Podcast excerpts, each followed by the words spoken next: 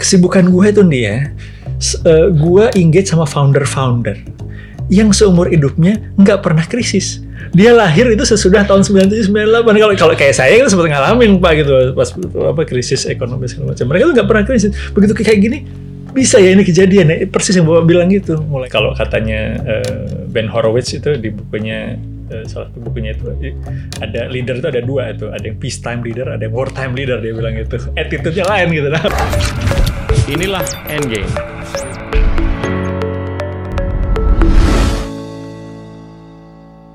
Halo teman-teman, saya sering kali ditanya di sosmed.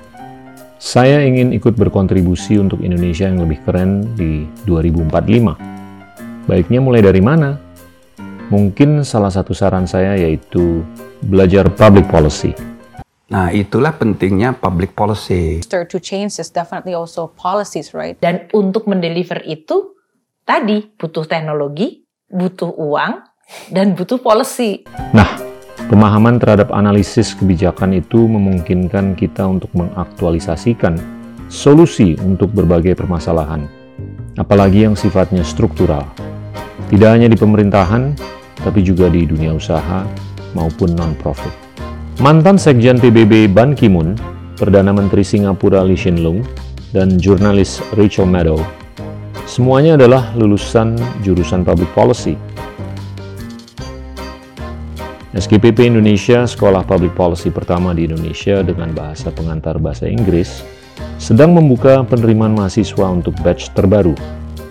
Untuk detail mengenai program dan cara mendaftar, atau sekedar berkonsultasi mengenai rencana karir teman-teman ke depan, hubungi SKPP Indonesia melalui link yang ada di deskripsi. Now back to the show.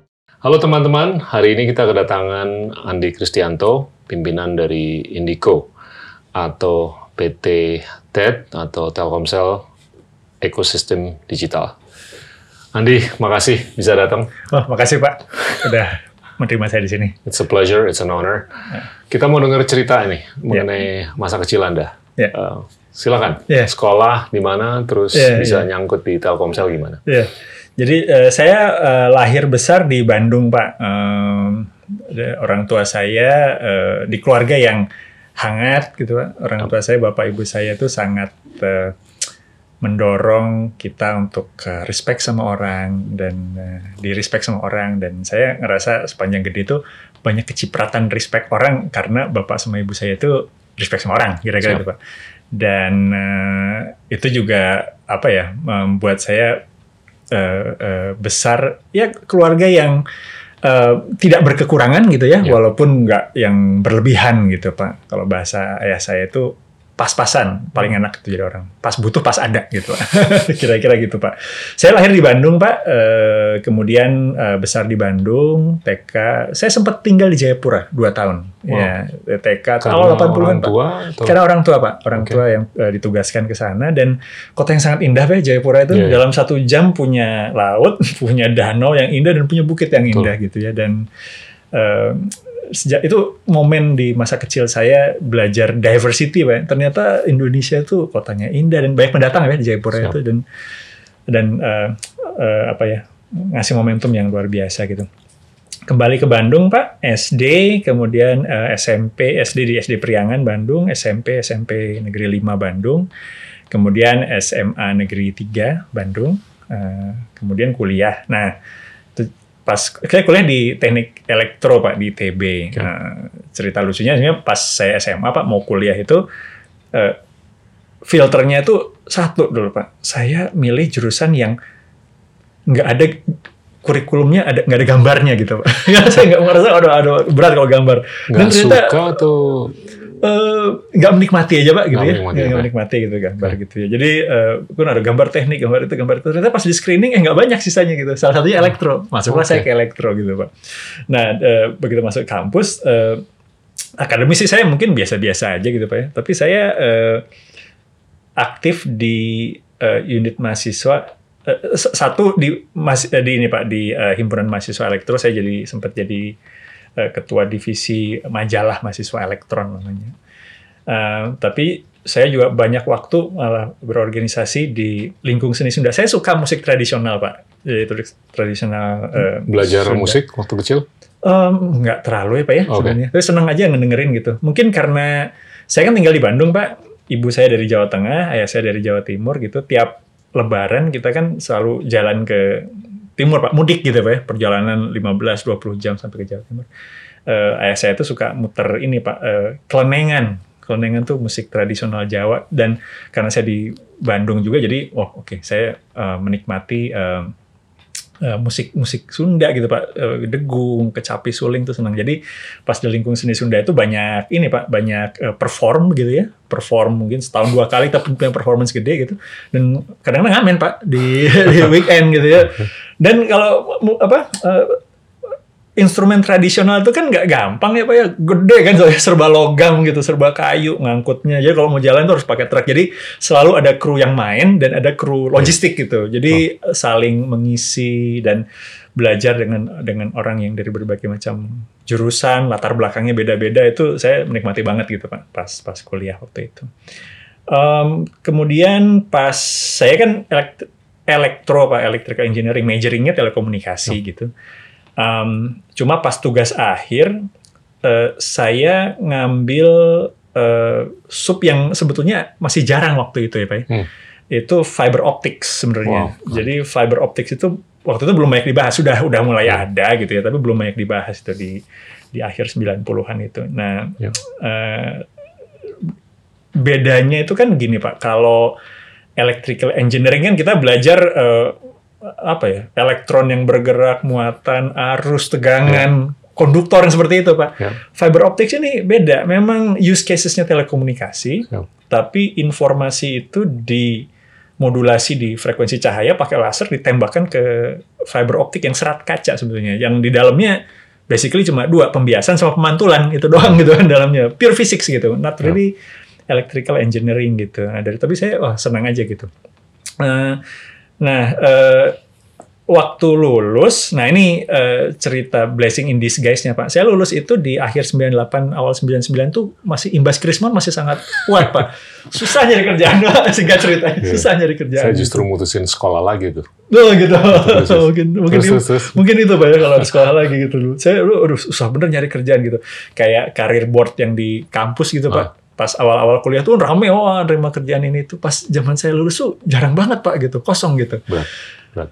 enam bulan tuh saya magang sana sini gitu ada sih beberapa gitu tapi nggak nggak nggak ada yang diterima gitu wah ini kok susah banget cari kerjaan gitu Eh, tapi memang kalau Allah mau ngasih jalan tuh ternyata gitu caranya pak ya, gitu jadi saya beruntung aja gitu pak menurut saya em, eh, ternyata Telkomsel waktu itu shareholdernya KPN Belanda pak nah mereka tuh lagi kekurangan orang karena lagi booming boomingnya telco di Iya, di, di Eropa. Eropa waktu itu Hmm. pak ya nyari orang gitu mereka kekurangan orang terus ya Telkomsel udah eh, hire orang buat dikirim dulu ke sana ke KPN 2 tahun di KPN Research Pak di di di Belanda sana di Leidschendam.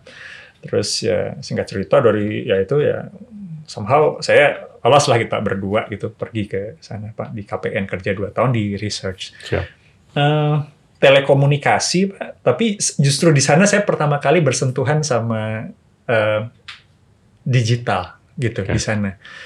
Em, jadi belakangan saya tahu juga ternyata eh, ketika saya tugas akhir fiber optik itu karena nggak banyak gitu kan. Jadi misalnya mungkin oh dibutuhkan gitu. Jadi di sana salah satu proyek yang terbesar saya itu eh, KPN berkolaborasi dengan Astron Pak. Astron itu lembaga eh, radio frekuensi buat astronomi Pak sebetulnya. Jadi use Hmm. case-nya malah menarik Pak. Astronomi sebenarnya saya pertama kali.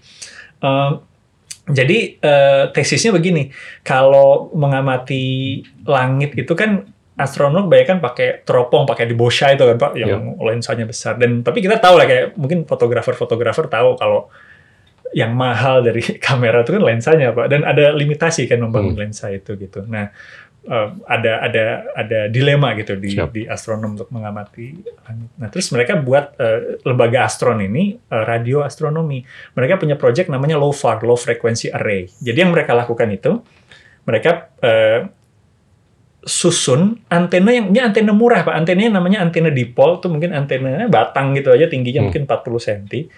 Tapi kalau dikonfigurasikan sedemikian rupa, ratusan gitu ya, satu cabang eh, dari pusatnya Pak, pengolahan datanya itu di Groningen Pak di Belanda. Itu ditarik satu kaki ke Jerman gitu dengan dengan konfigurasi sedemikian rupa, Ya. satunya kalau nggak salah ke Swiss, satunya ke arah Belgia, bahkan ada satu saya ke, ke arah UK Pak kalau nggak salah gitu ya.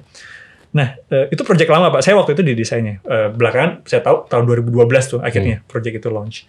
Tapi Wow. eh, betul. Nah, yang dibutuhkan dari telekomunikasi itu kan menarik datanya, Pak. Datanya itu kan titik-titik titik-titik itu si antena dipol itu kalau kita lihat sebagai satu antena saja nggak ada informasinya pak. Itu noises semua gitu. Iya. tapi kalau dikonfigurasi ditarik sedemikian kemudian diolah dengan digital signal processing itu bisa menggambarkan langit seperti lensa dengan diameter satu kilometer. Wow. kan I mean physically Menarik. gimana kita bisa buat lensa satu kilometer gitu? Tapi ternyata dengan digitalisasi bisa gitu. Hmm.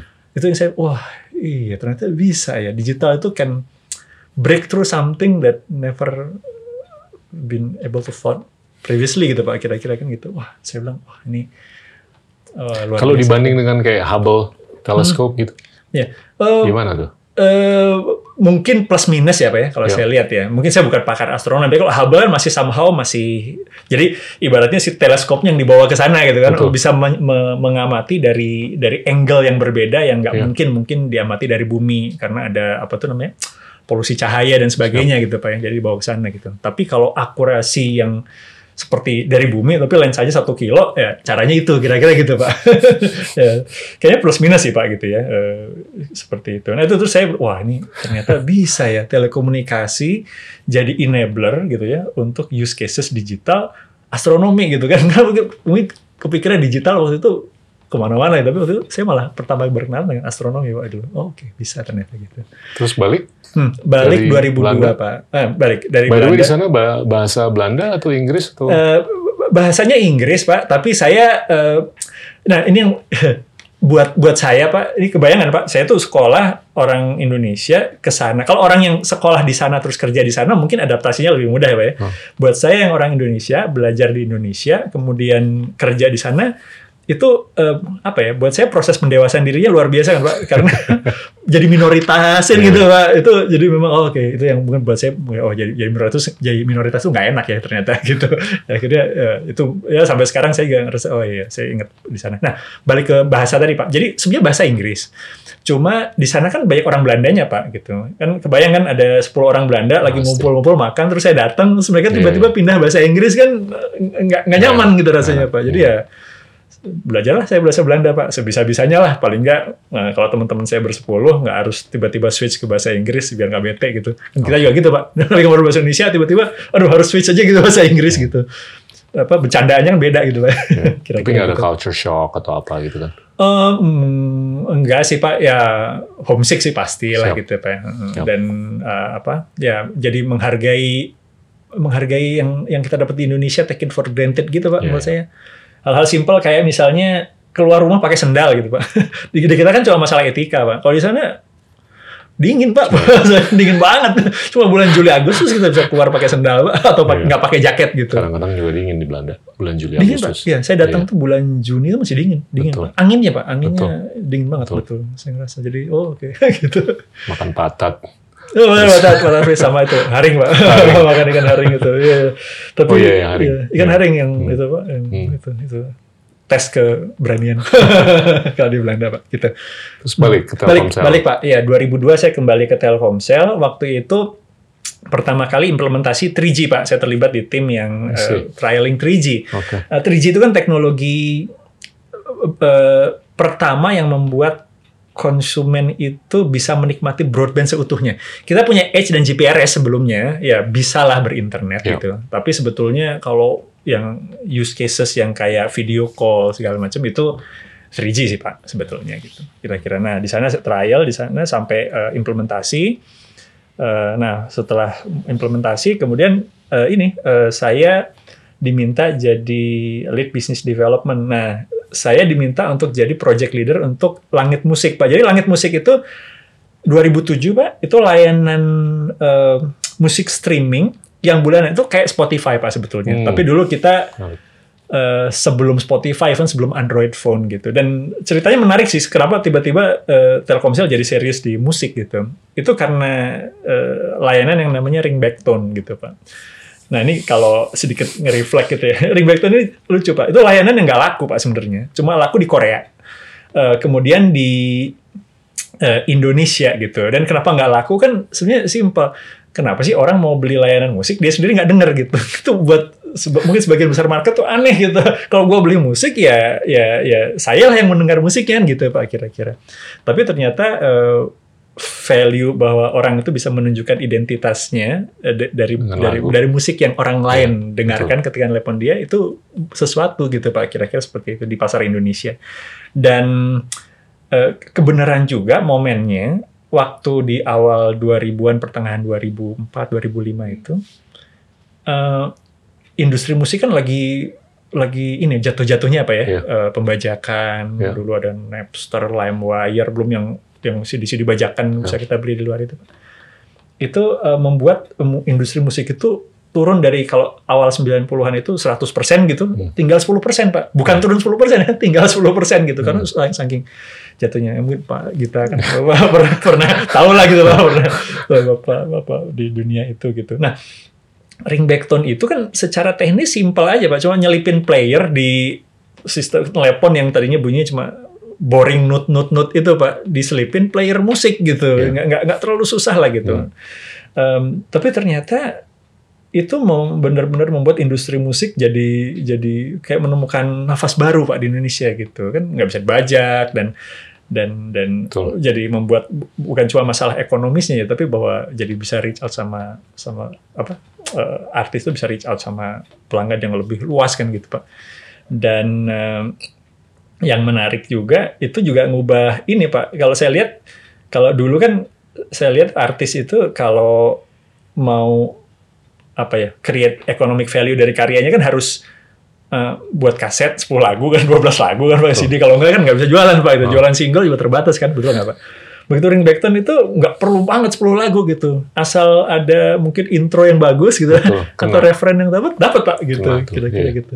Kira-kira gitu. Jadi oh iya ternyata bisa gitu dan itu juga balik lagi pak eh, eh, reflecting eh, pengalaman saya pertama ternyata aset telekomunikasi itu bisa apa ya bisa jadi jalan gitu jalan untuk me- mem- Ya. membuka opportunity baru nggak kepikir sebelumnya gitu Hmm. dengan digital tadi itu pak astronomi bisa musik bisa Hmm. ya kita kan orang telco tahu apa gitu saya pertama gitu saya, oh ternyata gitu ya jadi saya itu jadi ngobrol sama eh, apa ya labels yang gitu kan musik oh gini ternyata gitu jadi Menarik. Ya, hal seperti itu, Pak. Jadi itu terus em, 2010 saya ini oh ini udah Andi ini udah kelamaan di ini kayaknya udah lama di kantor pusat terus udah lead region, Pak. Jadi saya em, eh, lead region Jawa Tengah Jogja 2010. Jadi di lapangan dan itu membuat saya sangat apa ya? Singkat cerita gini, Pak, eh, ini saya pribadi nih cuma di Jakarta sama di Bandung aja taunya gitu tidak cukup bisa menghargai seberapa diverse-nya Indonesia itu Pak. Ya. Wah, luar biasa Pak, diversity Indonesia itu. Ini saya baru ngomong baru geser ke Jawa Tengah Pak ya, belum keluar Jawa gitu. Eh, bahwa di Jawa Tengah itu misalnya eh, orang di Semarang itu bahasanya korannya beda Pak gitu, suara merdeka gitu. Geser ke Jogja korannya kedaulatan rakyat, ke Solo korannya lain. Bahasanya logatnya itu lain Pak gitu. Jadi oh iya iya gitu. Kayak misalnya saya misalnya eh, duduk sama saya ingat banget tuh ada satu momen saya duduk sama teman outlet di kecamatan Limpung Pak di di Hmm. Kabupaten Batang di dekat Kalongan sana Pak. Duduk bareng ngobrol-ngobrol gitu ya. Terus ada billboard gitu. Billboard itu kalau buat kita yang tinggal di kota besar kayak di Jakarta itu ya bahasa itu gitu. Tapi begitu kita ngobrol gitu nggak dapet gitu pak. Bahasa, Iya. Ngerti tapi Iya. eko- emotional itu nggak nggak attach gitu. Jadi kayak misalnya contoh pak di Pantura itu sepuasnya itu enggak eh, sakpore Wah, baru ya gitu-gitu ya pak itu harus di wah, itu yang yang yang buat saya eh, luas dan eh, Itu tiga tahun setelah Hmm. ditemukannya iPhone, ya Twitter, Iya. dan beberapa disrupsi lainnya lah. ya Anda melihat banyak sekali nggak perubahan gaya hidup dikarenakan disrupsi-disrupsi seperti itu, yang mana internet itu bisa diakses Ya. di telepon Iya. 2010 itu kan baru baru jalan tiga tahun kan. Betul, betul. Masih Iya awal kan? berprinsip. Hmm. Iya.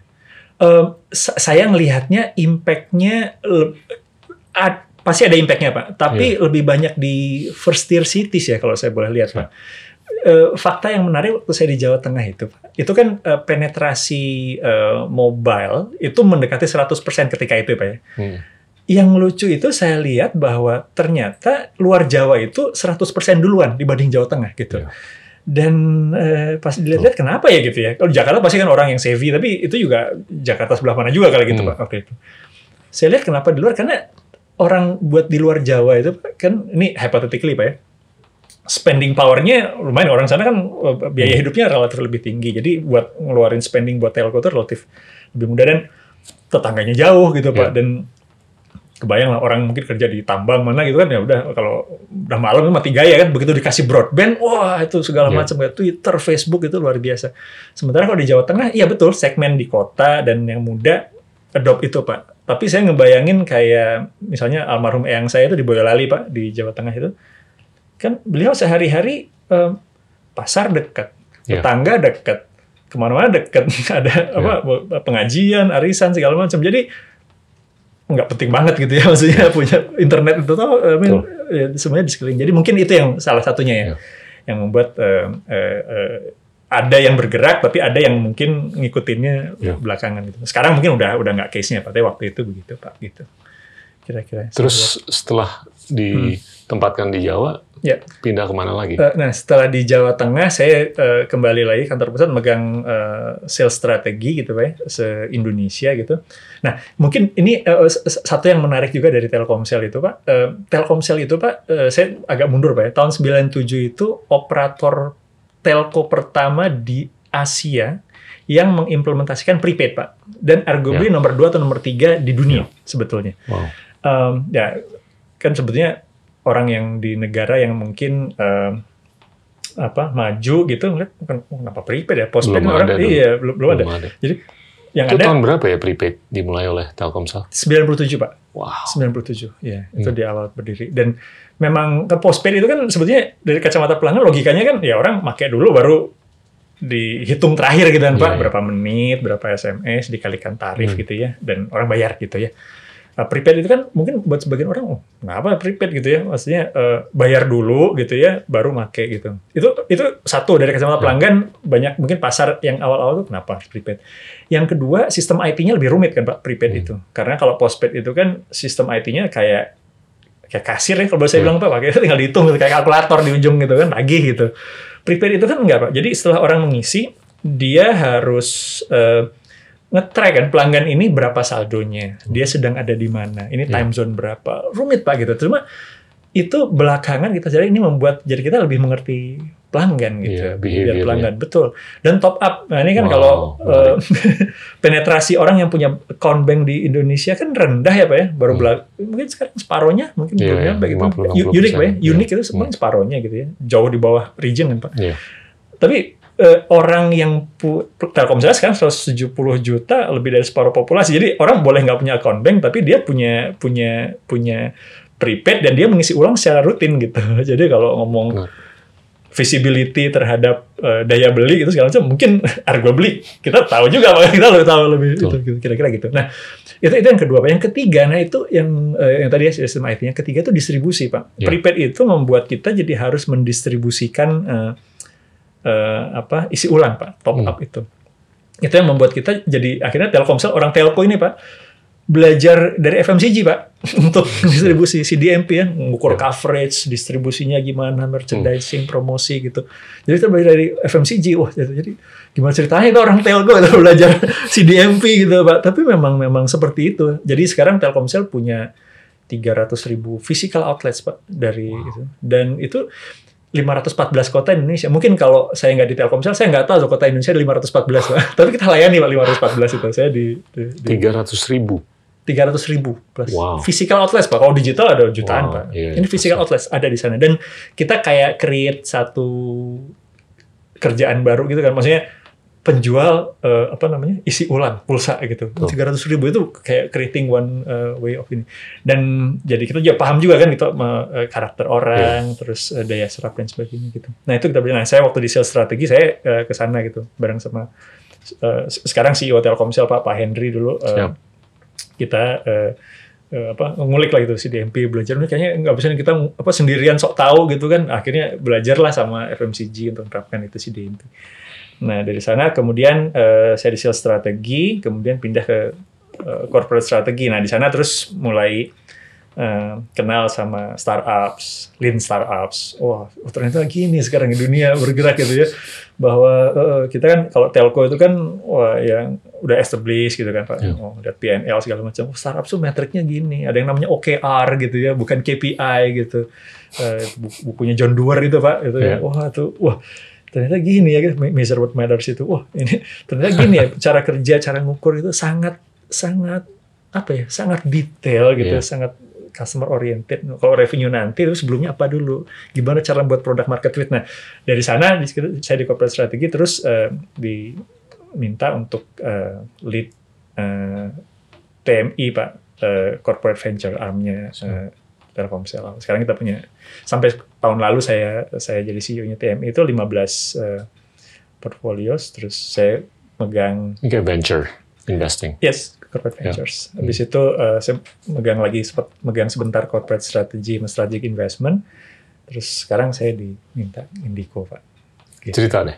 Ya. Misi Indico ini kan untuk Ya. edutech, Ya. healthcare, sama Healthcare, games. Sama games, Atau ya, gaming. betul. Ya. Nah, sebetulnya konsepnya Indico itu eh, kita gini, Telkomsel itu hashtag kita Pak membuka semua peluang. Jadi eh, kita mau enabling Indonesians, eh, sorry, empowering Indonesian dan eh, eh, enabling businesses gitu. Karena kita bela- belajar banget ini ternyata refleksinya banyak banget ya aset-aset yang selama ini kita taunya eh, ini aset buat telco, buat bisnis telco, buat prepaid. Ternyata banyak bisa kepake buat use cases yang lain gitu ya. Ya. Sebenarnya tadi pengalaman pribadi saya aja udah astronomi gitu. Kemudian eh, masuk ke musik gitu. Kemudian video, video for sure. Games Pak, kita punya dunia games dari awal. Dan eh, teman-teman di Telkomsel itu di games itu kan juga saya, saya juga udah itu se- seru Pak gitu kayak em, e-sports gitu Pak. Kita tuh ngeran di Telkomsel tuh du- teman-teman di dunia games tuh ngeran sekitar 3000 eh, turnamen e-sports Pak per bulan. Itu emang jadi engagement ke community dan Wow. saya jadi paham anak-anak zaman sekarang itu ternyata cara interaksinya dengan 3000 games per bulan. turnamen pak. Iya per bulan. Oke. itu itu jadi kita tahu bukan cuma gamersnya pak ya. Hmm.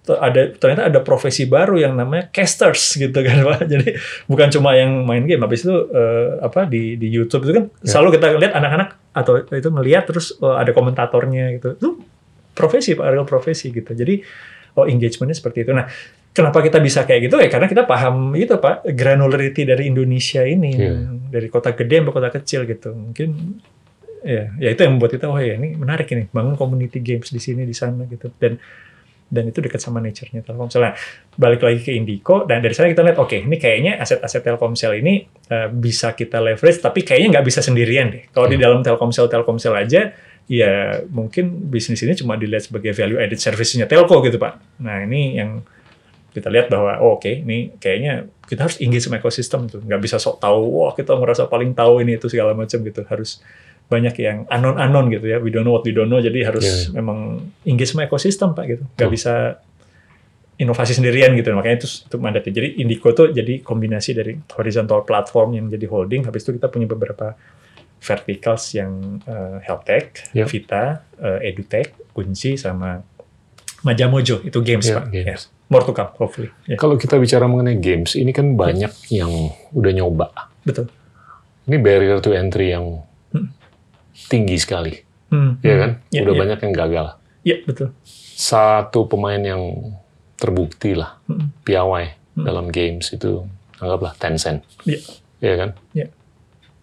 Banyak yang coba niru Mhm. mereka, tapi banyak yang nggak sukses juga kan. Iya. Apa yang bisa menjadi diferensiasi Iya. untuk Telkomsel Betul. untuk bisa sukses? Kalau kita ngezoom in pak di value chain bisnis games itu, Iya. itu Telkomsel itu kekuatannya di mana Pak? Di alat bayar sebenarnya Pak. I see. Jadi dunia games itu kita berangkat dari alat bayar bahwa games ini digital sesuatu yang eh, bisa bisa dibayar pakai pulsa. Kalau misalnya mau langganan games dan sebagainya. Kalau kayak gini Pak, sekarang masalah kalau orang eh, kreator digital gitu ya di Indonesia dengan eh, eh, penetrasi kredit card lah misalnya Pak. Ya. Mungkin kayak bayar pakai pulsa itu di negara kayak Singapura gitu mungkin agak aneh. Penetrasi kredit cardnya lebih dari 100% di sana gitu. Ngapain bayar pakai pulsa itu semua Iya. orang bisa tinggal connect kredit cardnya ke eh, App Store atau Play Store Iya. udah selesai gitu kan kira-kira gitu. Nah di Indonesia nggak gitu 5% Pak. Pak. 6 persen, 7 persen Iya. Pak betul. Jadi Hmm. eh, itu di sana Pak gitu. Kita bisa Hmm. eh, eh, eh, alat bayar pakai pulsa. Nah itu eh, paling paling ujung dan kita memang memang memang kuat di sana ya seperti yang saya bilang ya Pak. Itu kan di, ya, alat bayar lain relatif rendah. kan dari puluhan tahun sebelumnya Puluhan kan. tahun betul. Dan sekarang mungkin udah mulai rame ya pas ada apa Hmm. digital money dan sebagainya. Tapi bayar pakai pulsa itu masih sangat kuat pak. Gitu. Iya. Kalau kita ngomong first tier, second tier, third tier, fourth tier cities itu sangat kuat. Nah dari sana tuh eh, s- kalau kita itu itu di ujung kan pak bayar itu. Nah sekarang kalau kita ngelihat ke depan itu kan ada value chain di eh, developers gamesnya. Siap. Nah ini long tail banget memang pak. Persis yang pak kita bilang itu. Ini ya mungkin eh, satu sukses itu hasil dari banyak banget gagal gitu Pak, gitu ya. Ya, su- sukses juga di pasar satu belum tentu di pasar lain sukses Hmm. gitu kayak games di Indonesia ini kan banyak yang eh, apa ya game komunitas ya pak ya. Orang-orang kan seneng kan anak-anak itu eh, yang di Indonesia itu yang rame itu 30 menit main. Iya. selesai dah gitu. Selesai gitu. Jadi mainnya rame-rame wah teriak-teriak gitu dan sebagainya. Seru gitu. Sementara kalau di Korea Jepang itu ya mungkin yang high end games yang banyak eh, apa grafik dan sebagainya gitu. Dan di Indonesia itu salah satu games yang sukses juga yang ini pak yang nggak terlalu membebani resource pak sebetulnya. Jadi yang yang wah canggih ini segala macam yang butuh apa bandwidth gede gitu enggak pak gitu di kita tuh yang penting ramenya gitu kira-kira seperti itu and it, it, it proves- kita kita jadi tahu pak misalnya oh memang di Indonesia pasarnya gini gitu Iya. Telkomsel's under, granular understanding dari 100 juta, 70 juta pelanggan 514 kota itu betul oh ya games itu sesuatu yang yang yang yang dekat gitu dengan Iya. pemahaman kita gitu. Nah, gitu. Jadi kita mau masuk ke ke agak ke upstream. Nah, sekarang kan di ujung, sekarang maju ke upstream gitu Pak kira-kira. Halo teman-teman, terima kasih sudah menjadi teman setia Endgame. Cek rilis terbaru dari Future Narrators Merchandise Collection dan dukung terus misi kami untuk mencari ide-ide terbaik dari narator-narator keren lainnya. Link pemesanan ada di deskripsi. Now back to the show.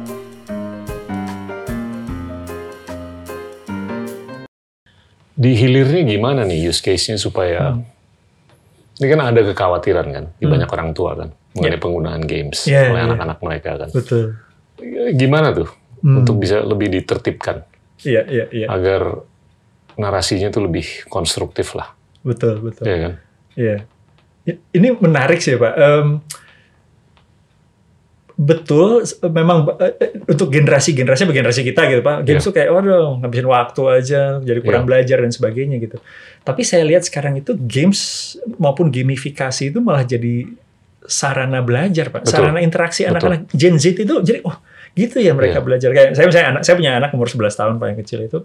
ma- main games itu kadang-kadang dia eh, kan apa tuh kayak eh, perang gitu di ini Iya. terus dia tiba-tiba ngelihat ini ngelihat eh, peta gitu ngelihat gitu oh di Oke. sebelah mungkin dia saya saya nggak tahu kali ya dia oh di sebelah Myanmar itu sebelah baratnya siapa sebelah timurnya Oke. siapa gitu gitu jadi Oke. saya sekilas ngeliat oh oke memang mungkin interaksi anak-anak untuk belajar Jadi ada ya kesadaran dan Interaksi. pemikiran Iya, bahkan Betul, untuk betul. di hulunya tuh betul agar Ke sana dilakukan gitu. pengembangan supaya Iya. di hilirnya tuh betul yang lebih ya Hmm. menggamifikasi sesuatu yang konstruktif lah. Betul. Dan sekarang ada beberapa games yang lokal ini lagi kita dorong juga Pak ini salah satunya kan eh, games developers dari lokal ini di Indonesia gamesnya gede tapi yang porsi lokalnya masih sangat kecil Pak cuma setengah Iya. persen paling mau kita coba dorong juga gitu yang reflecting our history gitu kan. Kalau Jepang kan kuat banget Bushido yang gitu Pak. Kita kan Hmm. sebenarnya banyak juga histori-histori bagus kan Pak dari Iya. Majapahit gitu segala macam lesson learn yang bisa kita ambil dari Iya. sana.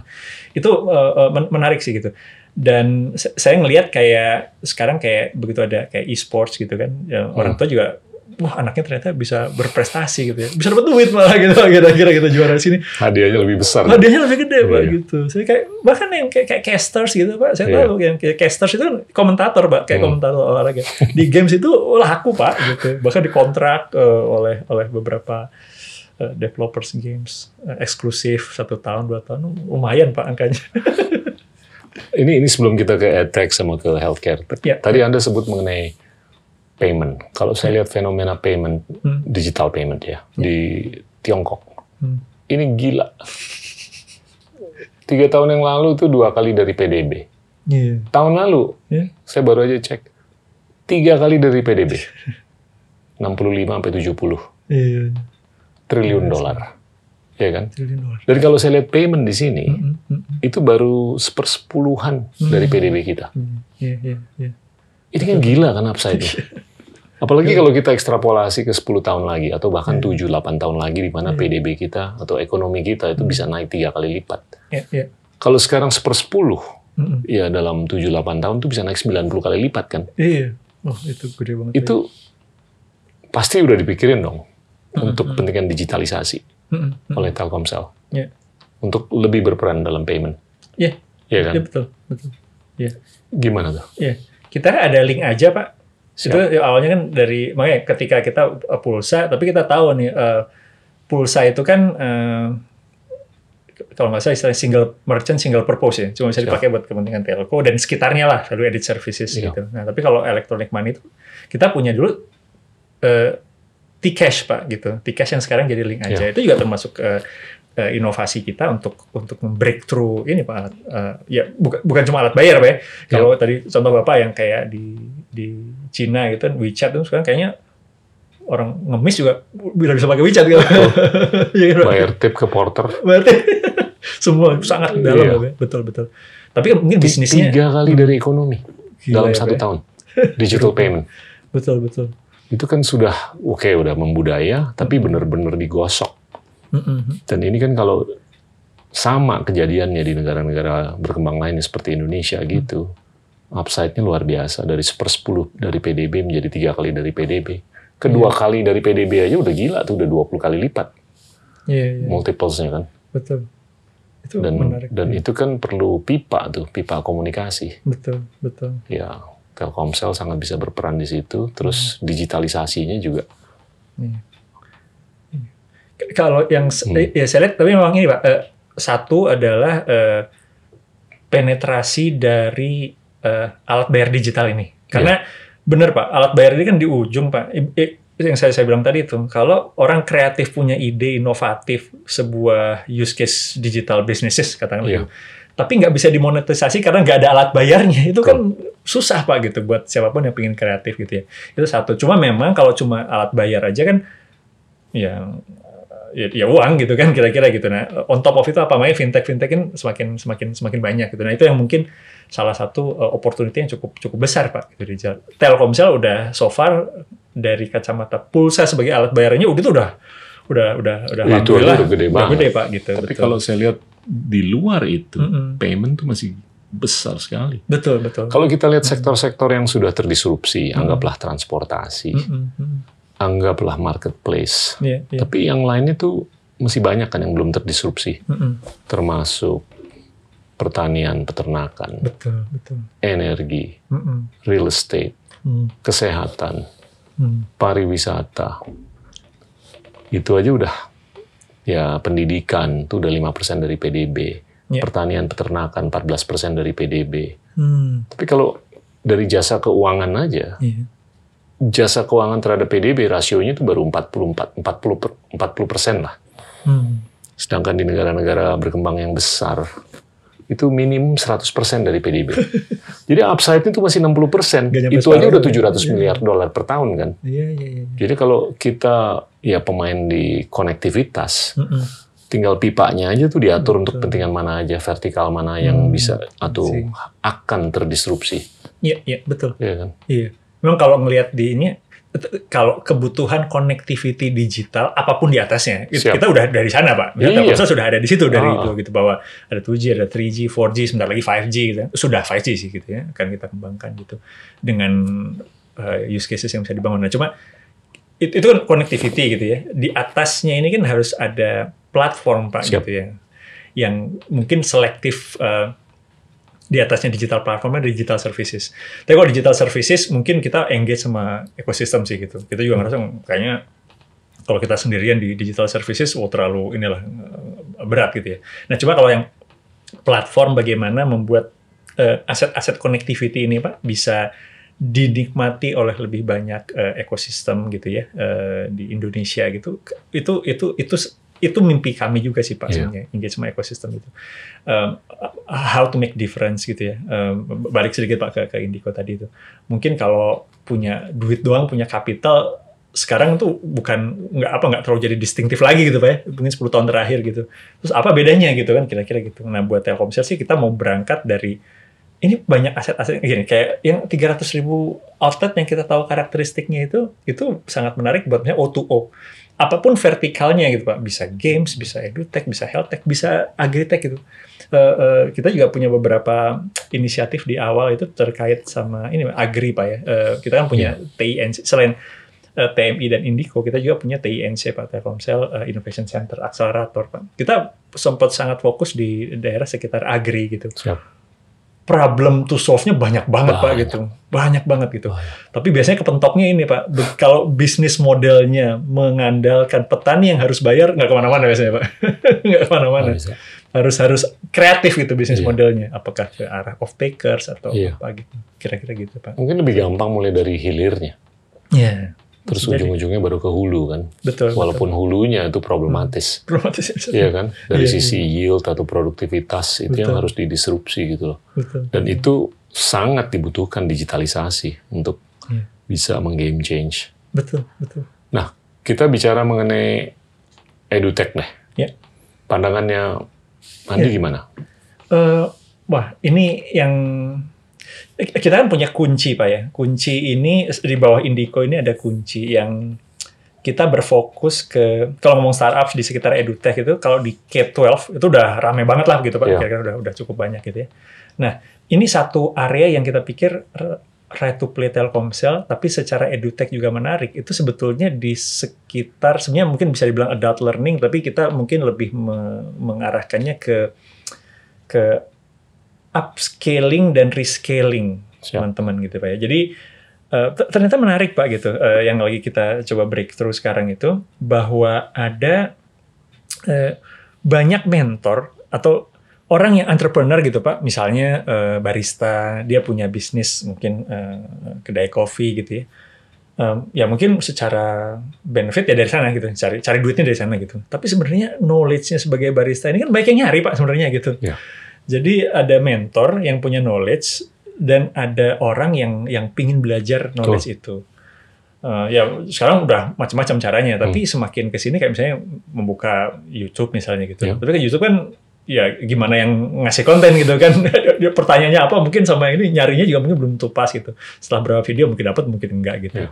Ada yang model-model MOOC Pak yang masif online course kayak Udemy, Coursera dan sebagainya. Itu kan ada ada silabus diikutin tapi pas apa enggak kita nggak tahu. Nah, tapi kadang-kadang eh, itu bisa tapi mempertemukan eh, secara lebih lebih dekat gitu ya antara mentor sama yang butuh itu ternyata em, matters gitu bahwa yang yang punya Hmm. ilmu ini willing to share gitu ya Ya. dan bagus kalau bisa create bisnis out of it gitu ya sementara yang yang yang butuh informasi yang relevan untuk menjadi entrepreneur itu itu juga gede gitu pak. Nah ini Betul. kita buka buka buka ke sana gitu. Mulai dari yang dari barista dari dari dari eh, saham gitu. Bahkan kita sekarang lagi mencoba eh, ada beberapa yang masuk ke schools kayak mini MBA dan sebagainya. Itu Hmm. eh, tapi esensinya adalah uh, upscaling sama rescaling pak kalau boleh saya lihat. Em, yang mungkin eh, itu dari kacamata kami. Kalau ngomong mungkin pendidikan secara keseluruhan wah mungkin pak Gita lebih paham dari saya. Tapi eh, eh, hal-hal kayak apa ya eh, mungkin Ka- kalau ini saya sebagai sebagian yang belajar kalau di Indonesia kan mungkin kalau Pak Gita kan eh, di US gitu saya pengalaman juga belajar di US Eh, culture bagaimana kita eh, kalau di kadang-kadang saya ngerasa kalau di sini tuh nunggu dosennya nerangin habis itu baru belajar gitu. Ya kan pak? Sebenarnya kalau di US kan culture nggak gitu pak. Lu baca dulu lu sampai oh, malam-malam lu baca di kelas tuh tinggal diskusinya gitu. Jadi kontekstualitas dari knowledge Beda. dan diskusinya itu yang yang lain. Kadang disuruh kamu pro kamu cons gua kan gua cons tapi kamu jadi pro. Mikir gimana caranya supaya gak jadi pro terhadap ide yang sebelumnya saya nggak setuju. Nah hal-hal kayak gitu yang mungkin itu secara konteks pak ya. Nah itu yang mungkin eh, hal-hal yang yang yang ya, mudah-mudahan eh, effort kami di Indico bisa bridging itu jadi lebih kontekstual dan who knows I mean I'm, I'm sure digital kan kan kan, Wah, can bridge banget. that gitu pak Ya. Saya, saya tuh ngeliat tuh yang low hanging fruit Ya. adalah yang sifatnya vokasi. hmm Anggaplah barista. ya Saya nggak tahu berapa barista yang sudah diberdayakan sekarang. Tapi saya ngebayang kalau umpamanya jumlah wisatawan internasional yang datang ke Indonesia, dulu puncaknya kan 15 juta per tahun sebelum sebelum COVID. Nggak ada alasan untuk itu nggak bisa naik ke 150 juta setahun. Iya. Dengan pembangunan infrastruktur yang begitu besar. Iya. Singapura aja sama Malaysia masing-masing bisa mendatangkan 23-25 juta Iya. per tahun. Masa kita nggak bisa 150 juta? Padahal jumlah pulau kita lebih banyak Benar, daripada Singapura kan. Nah itu bisa diekstrapolasi kan, Iya. jumlah barista. Multiplisitasnya kayak gimana tuh? Iya. Kalau jumlah wisatawan internasional naik dari 15 juta ke 150 juta. Iya. Terus dipikirin juga gimana untuk bukan hanya dia belajar barista, jadi barista, tapi gimana untuk dia bisa belajar bahasa Inggris. Hmm, iya. Supaya kalau orang datang dia minta dalam bahasa Inggris dia bisa jawab. Mm-mm. Betul. Itu low hanging fruit tuh. Oh, iya, iya. Belum lagi jumlah concierge, jumlah receptionist, Iya. tour guide, supir yang harus bisa apa ya punya profisiensi bahasa internasional. Betul. Apakah itu Mandarin, Inggris dan lain-lain. Iya. Ini edutech nih di sini gila loh. Iya. We're, we're talking about puluhan mungkin lebih dari 100 juta. Iya. Terus jumlah tenaga kerja yang diberdayakan, anggaplah mikro UMKM. Dari 150 juta tuh mungkin bisa meningkat ke 150 sampai 180 juta.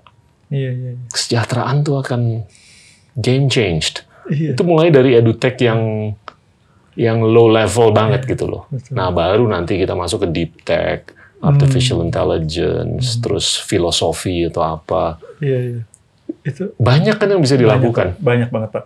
Itu kayak yang tadi Bapak bilang itu kita tuh lagi salah satu yang lagi kita eh, lihat itu laser ekonomi itu kan Pak sebetulnya. Itu waduh itu gede banget Pak. Ya mungkin karena pandemi jadi agak ke hit back gitu ya. Cuma Iya.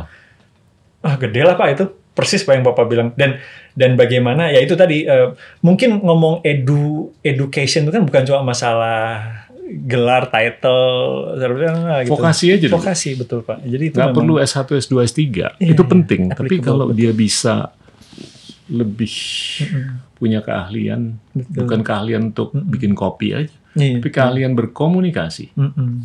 Itu kalau menurut saya gini loh, di Indonesia ini kan banyak banget orang yang punya ide ya. Iya. Tapi nggak semuanya tuh bisa punya akses ke duit.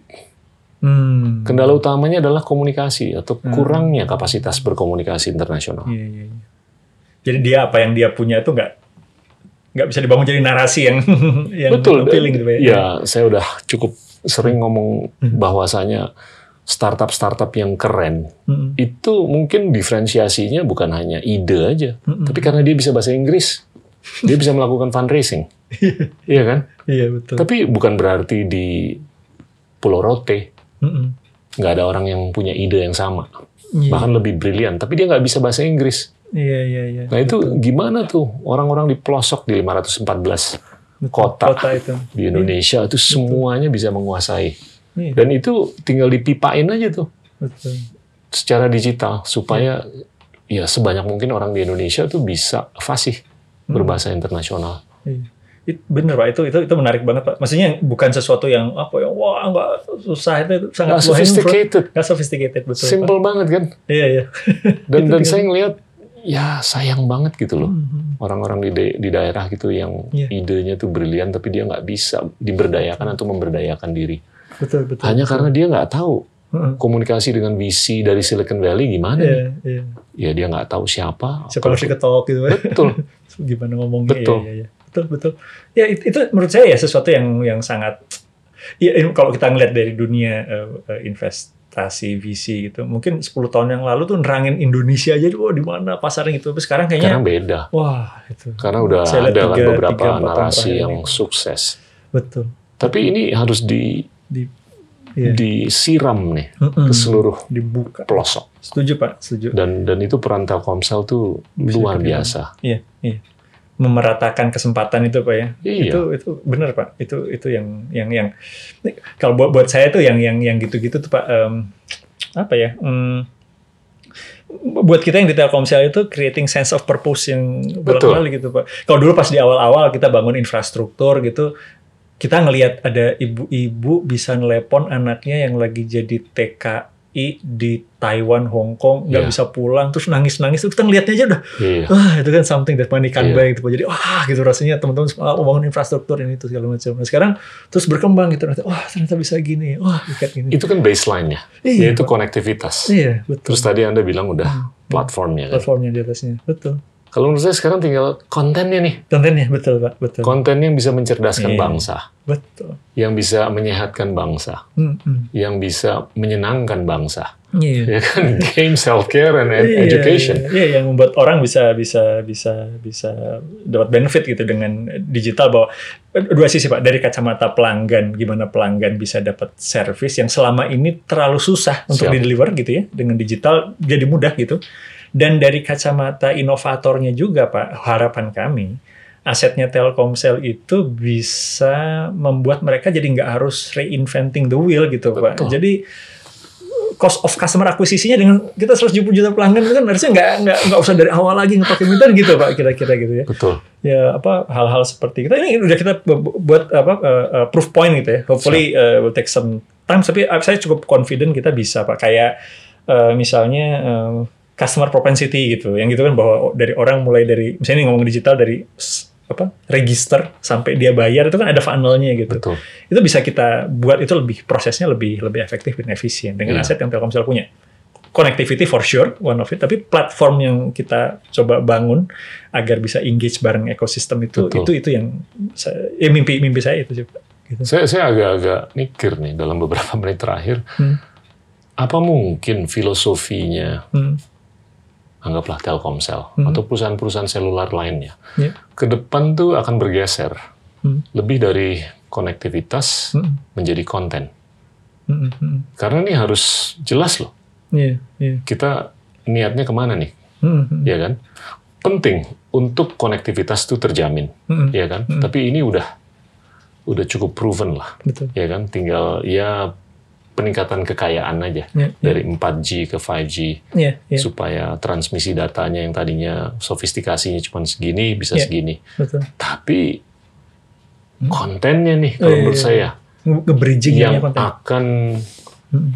bukan hanya bisa di scale up gede-gedean, tapi Hmm. ini sangat monetizable. Betul, betul. Nah, sebetulnya telco juga, kan kita bergerak, Pak. Kalau kita ngelihat dari industri telco, kan awalnya kan ini vertical bisnis telco gitu. Nah, Siap. sekarang bergerak menuju ke horizontal enabler, Pak, menurut saya ya. Iya. Telco bergerak gitu. Dari yang saya bilang tadi ya, mungkin bahasa simpelnya tadi yang aset kemudian jadi platform gitu. Ini Siap. jadi horizontal enabler.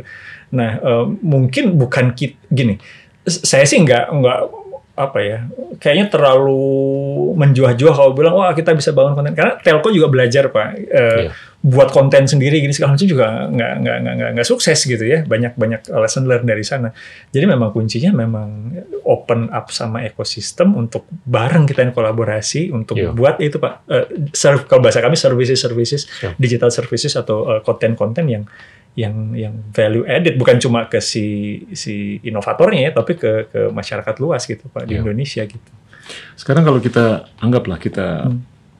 komparasi antara benua Eropa Iya. dengan Amerika Serikat. hmm. Eropa ini lebih dikenal sebagai hardware, Hmm. garis miring konektivitas. Kalau Amerika software, Eh, tapi valuasinya eh, jauh lebih kaya di sini kan. iya. Dan di sini kalau kita lihat perusahaan-perusahaan hardware, nggak usah sebut nama lah perusahaan Iya. telekomunikasi gajah-gajah. Iya. Apakah mereka sudah melakukan pivot dalam 20-30 tahun terakhir ini? Belum. belum Iya. Padahal mereka tuh first movernya tuh Iya. first mover advantage-nya tuh luar biasa sekali loh. Iya, iya. Dari tahun 90-an kan. betul betul Iya. Mereka yang punya Iya. platformnya. Iya, iya, mereka betul. yang punya backbone-nya, Mm-mm. mereka yang punya pipanya. Mm-mm. Tapi kok nggak digosok gitu loh. Iya. Justru yang di sini yang jago gosok. Iya, iya. Dan ini udah jadi Story. triliunan dolar. Betul, betul. Ya, kalau saya lihat juga ini culture juga Pak, pengalaman saya di Eropa. Betul. Ber- ternyata ini apa eh, siklus di Eropa itu cukup kuat R&D-nya Pak, tapi mungkin siklusnya itu eh, panjang ya Pak. R&D-nya lebih ke Hardware. Iya. bukan ke software. Iya, Mohon maaf ya, betul. Iya, iya. agak-agak sedikit general, generalisasi. Tapi ini ini penting kalau menurut saya untuk seluruh perusahaan telekomunikasi. Iya. Dan prediksi saya Hmm. mayoritas ini kan usianya muda semua kan. Betul. Iya. Mereka pasti lebih merangkul lah kepentingan untuk mengedepankan software ke depan Iya, iya, iya. dan konten. Konten, betul, betul. Ya kan? Karena Desain. itu udah dinilai sebagai tesis yang lebih monetizable, Iya, lebih bermanfaat dan Iya. lebih meningkatkan valuasi. iya, iya, iya. Ya kan? Karena benefit buat si penikmat atau yang yang menggunakan servisnya lebih lebih berasa gitu ya pak. Dan Siap. mungkin pivotnya juga lebih gampang pak kalau di atas ya. Kalau hardware pivotnya, waduh, mungkin siklus R&D-nya lima tahun, 10 tahun Iya. gitu. Kalau ini kan relatif memang cepat ya. Betul. Didesain dari awal itu kalau startup itu memang memang gampang pivot gitu dan memang ibaratnya gini. Kalau kalau ga, ilmunya lean startup itu, kalau gagal jangan lama-lama gitu, jangan Betul. bakar duit kelamaan gitu kira-kira. Jadi mereka udah terbiasa gitu dengan dengan uh, mindset seperti itu. Dan Betul. mungkin investor juga ngelihatnya juga wah dia selama sama si foundersnya ini persisten tahu apa dreamnya bahwa kontennya tuh bisa di pivot ini itu segala macam that's fine gitu kira-kira gitu pak saya saya saya lihat seperti itu gitu dan men- men- menurut saya Indonesia bisa sih pak orang kreatifnya banyak, Banyak. pak orang kreatifnya tuh gak kurang-kurang Yang kurang Indonesia cuma fulus. eh, akses ke akses ke fulus Indo dan udah banyak tapi fulus kurang. Nah ini Bukan Telkomsel ya, tapi di luar Telkomsel. Iya, ya tapi secara garis besar juga mungkin menarik ini pak ya, menarik menarik fulus-fulus ini untuk membuktikan bahwa Indonesia itu menarik betul kan? Betul. Iya, iya. Mulai dengan bahasa, kalau menurut saya ya edutech tuh banyak lah yang bisa dilakukan, tapi yang Mm-mm, paling low hanging tuh mm-mm. bahasa. Gimana Iya, iya. supaya minimum 180 juta orang di Indonesia tuh bisa berbahasa internasional. Iya, Kalau iya. itu kejadian, selesai. Hmm, Selesai itu. Saya ngelihat itu, wah growth opportunities-nya. iya, iya, iya. Kendalanya di situ. Mm-mm. Ya, oke lah, kita udah ngomong mengenai edutech. Kalau healthcare gimana? Iya. Pandangan Indigo? Nah, kalau healthcare kita lihat gini pak, sekarang yang main di era di, di bagian gini, kalau ngeliat value chain-nya apa ya, cure itu udah banyak, cure. Yang yang sekarang belum banyak itu di daerah prevention dan care pak. Nah ini Vita masuk ke are- area dan anak-anak muda sekarang kan awareness terhadap kesehatannya juga jauh lebih ini pak gitu, lebih dan lebih apa ya, lebih lebih rajin ya. Kalau kita kan mungkin ya sudah lah olahraga olahraga aja gitu ya. Sekarang tuh ngukur kalori, makan ini, itu segala macam. Habis itu makan Habis steak itu makan, lagi. diukur, tapi diukur mereka gitu. Oke, kalau saya makan ini saya bisa ini. Yang yang gitu-gitunya tuh eh, lifestyle dari generasi yang yang yang yang sekarang ke arah sana gitu. Pak. Jadi saya lihat wah ini memang memang Vita kita kita kita taruh di sana jadi lebih ke di di di, di- berangkat dari eh, prevention dan care Pak gitu ke ke ke eh, area itu yang yang yang yang lifestyle dan hopefully sebetulnya ini bisa bisa bisa ke mana-mana kan gitu Pak. Em, kayak ada beberapa diskusi gitu pak ya di insurtech juga kan udah mulai bergerak ya bukan cuma di bagian cure-cure-nya aja ternyata eh, yang yang beli premi itu apalagi yang bergaya hidup sehat itu duh nih gue bayar premi nggak pernah apa eh, sakit nggak pernah eh, reimburse ke rumah sakit itu rugi amat gitu ya kayak nalangin orang lain gitu kira-kira. Nah ternyata sekarang udah mulai bergerak gitu oh masuk ke daerah yang care sama preventif itu pak. Jadi eh, eh, ya bisa buat eh, aktivitas aktif. Jadi gini aktivitas gak cuma cure-nya aja tapi aktivitas misalnya gym atau yang Ya. eh, gaya hidup sehat yang lain gitu ya itu bisa bisa di cover gitu oh, udah mulai ada tuh eh, wacana-wacana ke ke area sana gitu jadi semakin health tech itu nggak cuma bagian cure aja tapi bergerak semakin ke ke ke care and prevention pak Seperti itu. Ini kalau mengacu ke beberapa ahli psikologi, Ya. salah satunya Jonathan Haidt, Mhm. dia tuh berkali-kali menyampaikan di kalangan generasi Z dan milenial juga, Hmm. Itu mereka terlalu banyak berkomunikasi Hmm. satu sama lain aja, ya kan? Iya. Mereka kurang berkomunikasi dengan generasi pendahulu. Hmm. ibarat kata mereka kurang belajar dari sejarah. Eh, Semakin mereka kurang belajar dari sejarah, semakin mereka mungkin kurang bijaksana. iya, iya. Nah ini dia tuh berargumentasi ini berkorelasi dengan kasus depresi dan Iya, iya. anxiety Oh iya iya. yang lebih tinggi Iya. di kalangan generasi Z dan milenial. Jadi cerita lucu Pak, saya kemarin ngobrol sama salah satu teman saya yang eh, venture capital gitu ya. Dia di pandemi ini apa kesibukan lu gitu? Kesibukan gue tuh nih ya, s- eh, gue engage sama founder-founder yang seumur hidupnya nggak pernah krisis. Dia lahir itu sesudah tahun 97 98. Kalau kalau kayak saya itu sempat ngalamin Pak gitu pas apa krisis Iya, ekonomi segala 97, macam. Mereka tuh nggak pernah krisis. Begitu kayak gini bisa ya ini kejadian ya. Persis yang bapak bilang gitu. Mulai dari kesehatan mental sampai how should I do? Kalau kalau di masa-masa growing itu segala macam kayaknya oke lah gitu ya. Iya. tapi begitu susah gini wisdom yang saya bilang. Jadi belajar dari sejarah itu kan belajar dari wisdomnya Betul. gitu kan. Hmm, eh, kalau katanya eh, Ben Horowitz itu di bukunya eh, salah satu bukunya itu ada leader itu ada dua itu ada yang peacetime leader ada yang wartime leader dia bilang gitu attitude-nya lain gitu nah balik aja semua bilang. Beda, polarizing. Iya. Beda banget. iya itu memang memang yang gitu tuh. jadi jadi memang ya sek- sekarang itu pak bener yang yang Dan itu bisa disambung lah kepentingan health Mm-mm. care sama edutech untuk Iya. gimana ya memitigasi resiko terjadinya depresi atau anxiety. Itu relevan sekali. betul betul saya kira jadi memang lebih luas apa ya maksudnya bukan cuma fisik tapi juga mind gitu ya Iya. Eh, bukan cuma cure tapi juga care dan prevention itu satu ini sih pak satu rangkaian buat saya pak. Nah, Menurut Andi untuk kepentingan digitalisasi ke depan, secara umum lah, nggak usah di Telkomsel aja.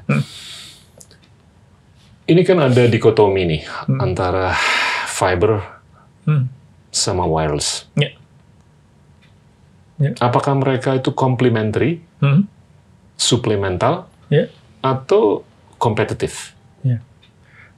menurut Zero sum ya. game Mhm. atau bisa Mhm. didorong dua-duanya Iya. secara bersamaan? Iya. Kalau menurut saya Pak, itu complementary Pak, karena sekarang ada terminologinya itu long fiber, short wireless. Jadi hmm, ketika masa 2G, 3G sampai 4G, itu tuntutan itu lebih ke kecepatan. Siap. Jadi bagaimana bisa punya eh, bandwidth lebih gede gitu ya, kira-kira gitu, agar kita bisa menikmati em, eh, apa akses video atau broadband yang lain secara lebih lebih nyaman gitu, karena speed gitu ya. Em, tapi sebetulnya orang sampai sekarang 4G aja itu udah cukup pak. Kalau orang cuma mau ngelihat YouTube atau Zoom atau apa itu sebagi, untuk sebagian besar use case sudah cukup. Nah diskusi di 5G ini berkembang pak. Eh, paling tidak ada tiga yang saya lihat. Satu itu memang ada yang minta speed yang lebih tinggi lagi. Hmm. Jadi aplikasi seperti augmented reality, virtual reality, holographic itu memang butuh speed yang tinggi memang betul itu. Tapi use casesnya ya nggak so masif seperti sekarang. Ya. Yang kedua itu latency, Pak. Latency itu jadi ting pingpongnya cepat gitu. Nah, ini ini yang eh, eh, ini not not much about speed. Speednya mungkin nggak terlalu banyak. Hmm. Tapi em, kayak contoh use casesnya kayak self driving cars. Hmm. Self driving cars itu kan kalau atau self driving airplane gitu mungkin ke depan gitu ya. Belok kiri, belok kiri sekarang gitu. Nggak bisa belok kiri. Walaupun pipanya gede gitu. Belok kirinya telat gitu. Wah, itu itu ya eh, apa? eh, mission critical kind of services gitu. Jadi Iya. eh, games itu termasuk yang butuh latency gitu. Apalagi interaksi-interaksi itu itu mengganggu banget gitu kalau latensinya ini. Nah itu yang di, dicoba dibongkar. Nah, yang ketika kita ngomong latency itu nggak cuma ngomong teknologi eh, radionya pak, tapi arsitektur di core-nya itu matters. Jadi eh, bagaimana Hmm. nggak terlalu banyak hop-hop di tengah. Nah itu Iya. yang makanya eh, eh, fiber for sure pak gitu kan terlalu sulit kalau nggak kalau nggak pakai fiber gitu karena kecepatan Betul. itunya kecepatan dan tapi nggak ngurangi hop juga juga juga jauh penting gitu. Makanya sekarang tek- eh, diskusinya bukan cuma fibers pak, sekarang lasers, free Iya. space lasers karena yang seperti saya bilang tadi fiber optics itu kan eh, apa em, eh, pembiasan dan pemantulan. Jadi kalau banyak lengkung-lengkung itu ada ada ada apa ya? Seperti dalam tanda Distorsi, kutip seperti gitu. Betul. Hmm. Tapi kalau lasers itu lurus kan Pak. Iya. Ada sekarang beberapa startup sudah mulai tembak ke atas lasers gitu ke bawah gitu ya. Atau ada yang terestrial juga ada gitu. Dan itu kan lurus lasers Pak. Jadi lebih lebih lebih gede lagi, lebih cepat lagi. Nah, dan dan ngomong eh, balik tadi ke tadi eh, latensinya lebih rendah. Nah, yang ketiga, yang just, tadi kedua ya, satu speed, yang kedua latensi yang rendah, yang ketiga itu ubiquity of devices ini IoT Pak kebanyakan. Jadi nggak perlu speed gede, latensi juga ini cuma masalah ekonomik Pak gitu. Betul. Kebayangkan kalau eh, karena desain awal telekomunikasi yang generasi awal itu untuk melayani manusia Pak sebetulnya kan buat ini. Dan handphone kita itu kan kapan mau ngecas ya kita selalu ada di dekat charger kan atau orangnya bisa ngecasin. Tapi kalau IoT ditaruh di tengah laut atau di kargo atau di perkebunan kan baterainya harus puluhan Beda. tahun tanpa Beda. di charge. Nah itu jadi tiga Hmm. angle ini dan harus di solve oleh satu. Nah kembali ke pertanyaan bapak tadi ya sebetulnya eh, eh, kebutuhan itu membuat s- speed kombinasi dari speed latency sama economics of scale tadi itu membuat jadi lebih lebih ideal itu kalau di tengahnya itu fiber optic sampai sejauh mungkin sedekat mungkin ke pelanggan lebih tepatnya. Iya. Nah di ujungnya itu mungkin Fiber. wireless pak justru. Oh, oke. Justru, justru wireless ya. Jadi kayak sekarang kita udah ini kan walaupun ada speed gede ke rumah gitu, begitu di rumah Wireless kan wifi pak, ya. ya kan? Hmm. Last mile pak, ya wireless di last mile Oke. gitu. Kalau sekarang wifi di ujung gitu, Hmm. tapi sekarang mungkin kita juga bisa di eh, dalam eh, 5G itu mungkin dan semakin tinggi frekuensi pak, sebetulnya Iya. kan coverage-nya itu semakin kecil sebetulnya agak serve gitu. Jadi mungkin beberapa rumah aja gitu. Jadi memang bagaimana membuat ekonomis kan ini bukan cuma masalah masang BTS-nya Pak. Kadang-kadang galinya yang gitu-gitunya Pak itu gimana membuat Betul. itu supaya lebih lebih ekonomis. Itu sih Pak. Jadi Kalau Menurut kalau saya kan, gali kan capex heavy ya. betul betul. Pasang BTS juga capex heavy. Mm-mm. Dan itu juga it's a real estate play juga kan. Ya, ya. Apalagi kalau mau upgrade dari 4G ke 5G, Hmm, hmm.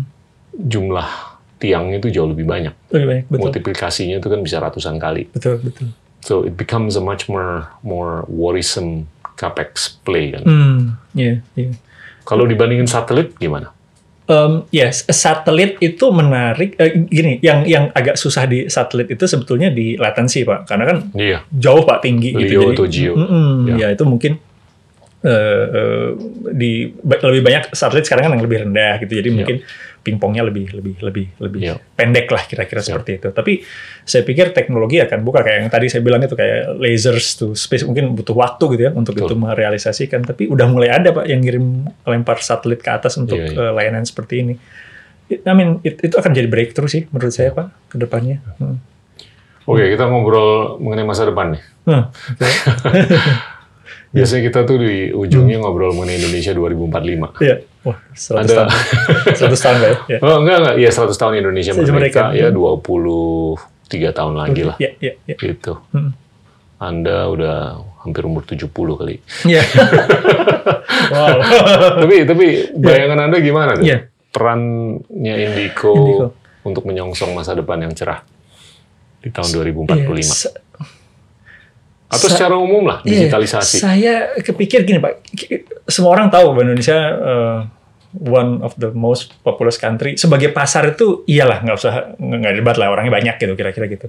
Tapi gimana membuat opportunity supaya semakin produktif. Yang tadi itu Pak, hashtagnya Telkomsel itu buka semua peluang. Kita buka semua Yap. peluang selebar-lebarnya. Bagaimana um, um, bisa empowering Indonesia, enabling bisnis orang Indonesia. Bagaimana ini saya saya saya, saya suka ini Pak eh, ada saya ini harus eh, quotes saya pertama kali dengar dari Kang Emil nih, Kang Ridwan Kamil. Mm-mm. Membuat orang Indonesia itu Pak tinggal di desa, rezekinya kota, bisnisnya mendunia. itu Pak. Itu Pak. Gimana sebagian Enak, ya, Pak. orang jadi Enak. yang seperti Bapak bilang tadi bahwa Telkomsel itu mungkin pemahaman kita terhadap diverse Indonesia ini sangat diverse dan jadi kita sendiri di Indonesia harus menghargai diversity itu. Bineka Tunggal Ika itu menurut saya tuh keren banget gitu Keren kalau kita memahami itu gitu ya. Hmm. The, uh, uh, the essence behind dan kita memang harus mengapresiasi gitu.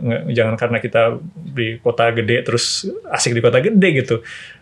Eh, bu- bukan cuma masalah melayani, tapi opportunity di luar itu memang di, di maksudnya di, di, di second tier, third tier, fourth tier cities Indonesia itu gede banget yang bapak bilang tadi itu gimana Iya. kita membuat eh, inovator yang ada di Pulau Rote itu jadi tahu gitu Iya. ya, dan orang nggak usah rebutan ke kota deh untuk bisa bisa bisa hidup perlu. secara cukup layak gitu yang Hmm. tadi itu pak jadi udah tinggal aja di desa masing-masing dan punya local wisdom understanding gitu yang saya bilang Iya. tadi itu kan eh, duduk sama ini terus kita ngeliat oke bahasanya nggak boleh begini gitu Hmm. ya opportunity di sini seperti ini gitu Em, eh, bahwa bahwa di sa- satu kota yang pertaniannya kencang mungkin di padi, yang lain itu mungkin bukan padi, yang lain ya ya be it gitu, nggak masalah gitu Iya. diversity. Nah, bagaimana kita bisa menjembatani itu dan membuat ya itu sebagian besar orang Indonesia itu tadi tuh Pak.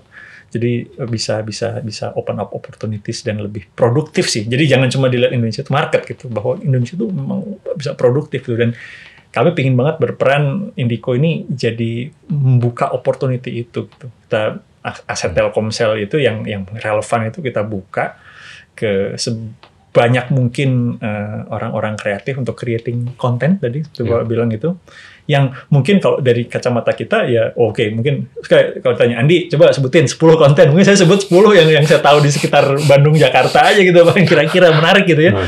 tapi kalau saya mungkin eh, s- tinggal di di di kota-kota second tier, third tier, fourth tier city, well, I will come with a very uh, creative uh, solution gitu yang Ya. dibutuhin masyarakat di sana. Itu yang yang yang mimpi kami sih Pak. 2045 harus bisa itu. Jadi um, eh, tadi apa ya akses ke kapital, bangun narasi yang bagus itu kan. Tapi bangun narasi itu satu ya Pak ya. Tapi bagaimana mengeksekusi ini gitu untuk membantu semua semua apa namanya inovator ini untuk bisa eh, berkolaborasi buat mendorong Indonesia lebih maju dan me- me- mengapresiasi kebinekaan Indonesia itu Pak. Iya. Hmm. Pandangan Anda mengenai talenta gimana? Untuk kita bisa compete. Hmm. Nih, saya coba angkat beberapa faktoid ya, atau data point. Produktivitas kita Hmm. itu hanya 24 ribu dolar per orang per tahun.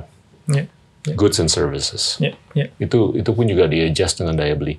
Hmm. Dibandingkan Singapura di 170 ribu dolar Ya, ya. per orang per tahun.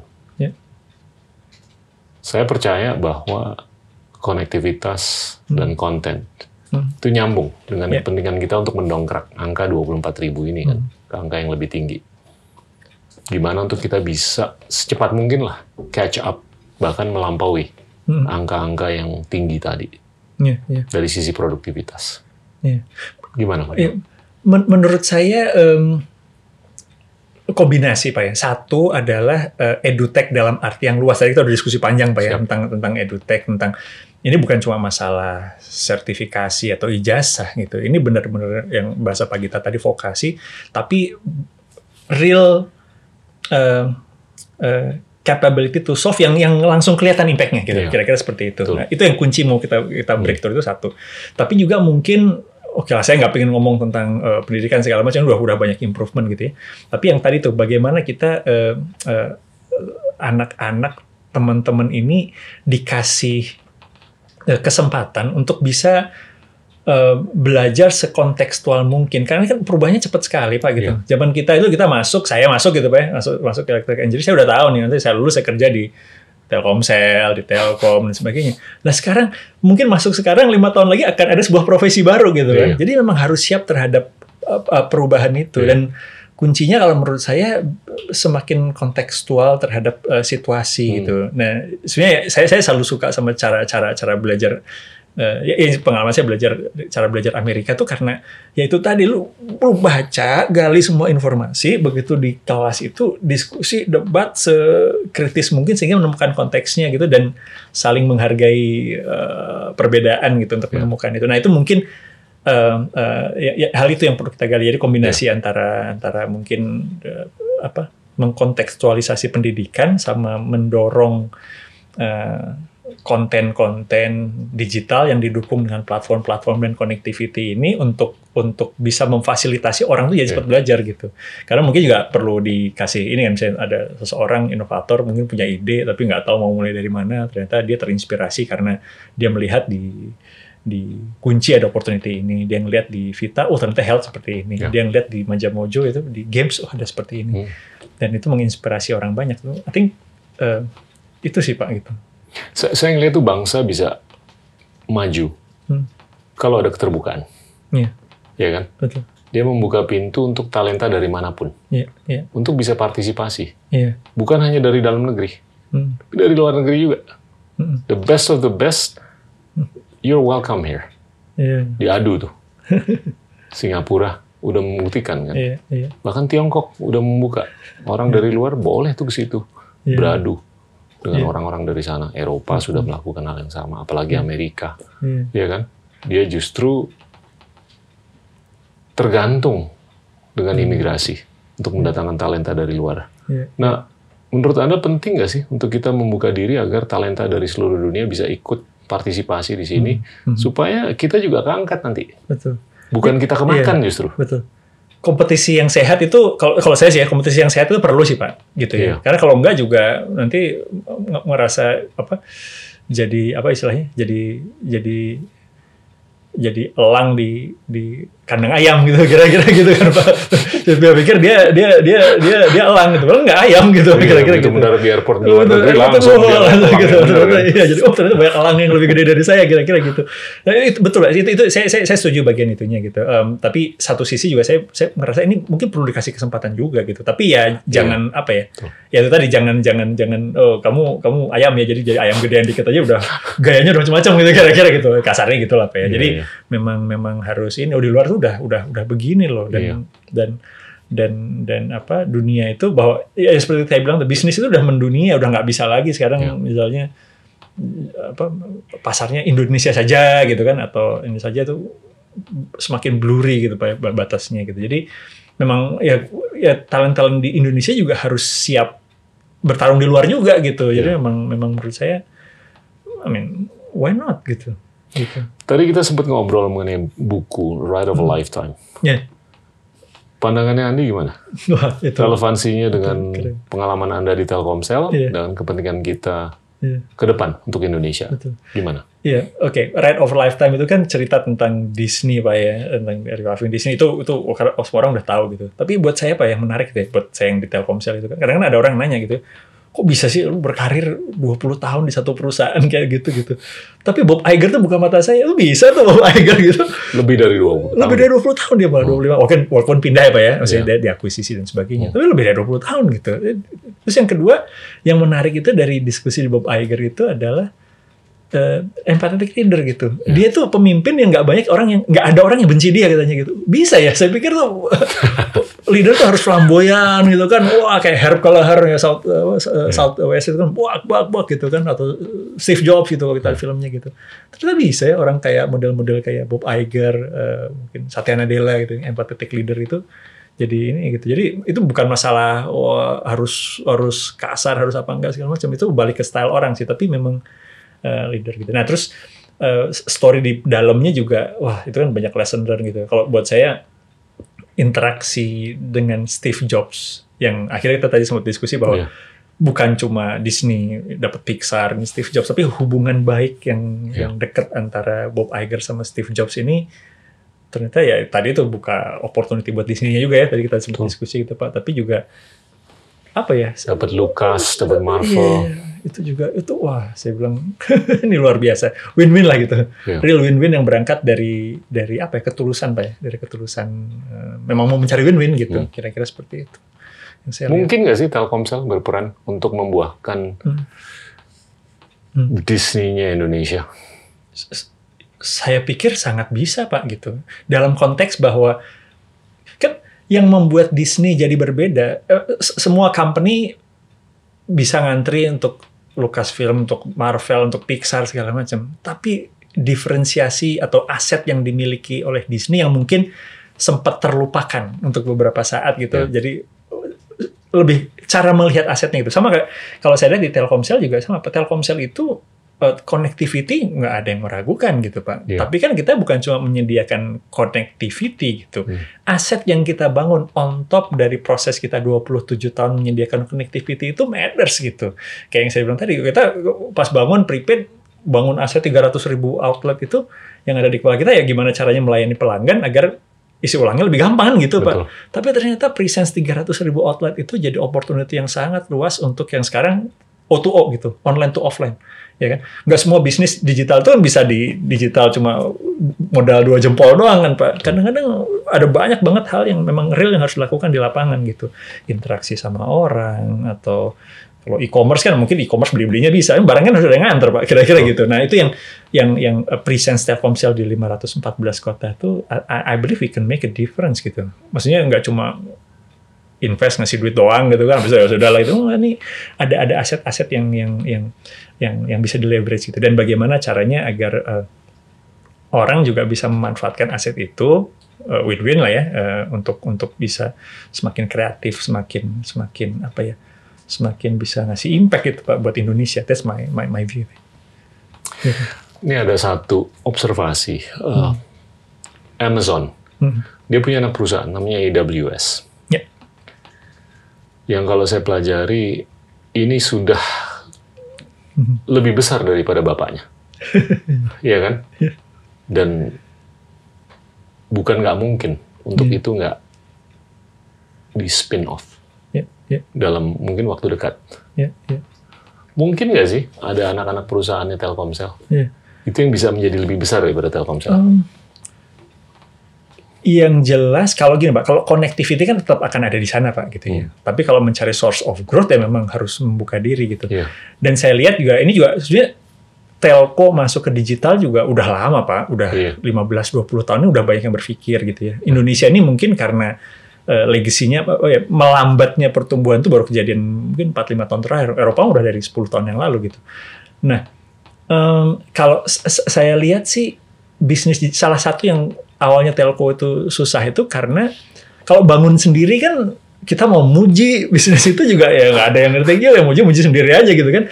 Tapi kalau kita engage sama orang misalnya ada investor gitu Pak ya dan ada investor itu melakukan due diligence dan me- invest gitu co-invest gitu. Kayak seperti yang di Majamojo ini kan kita co-invest sama sama Goto Pak gitu ya. Siap.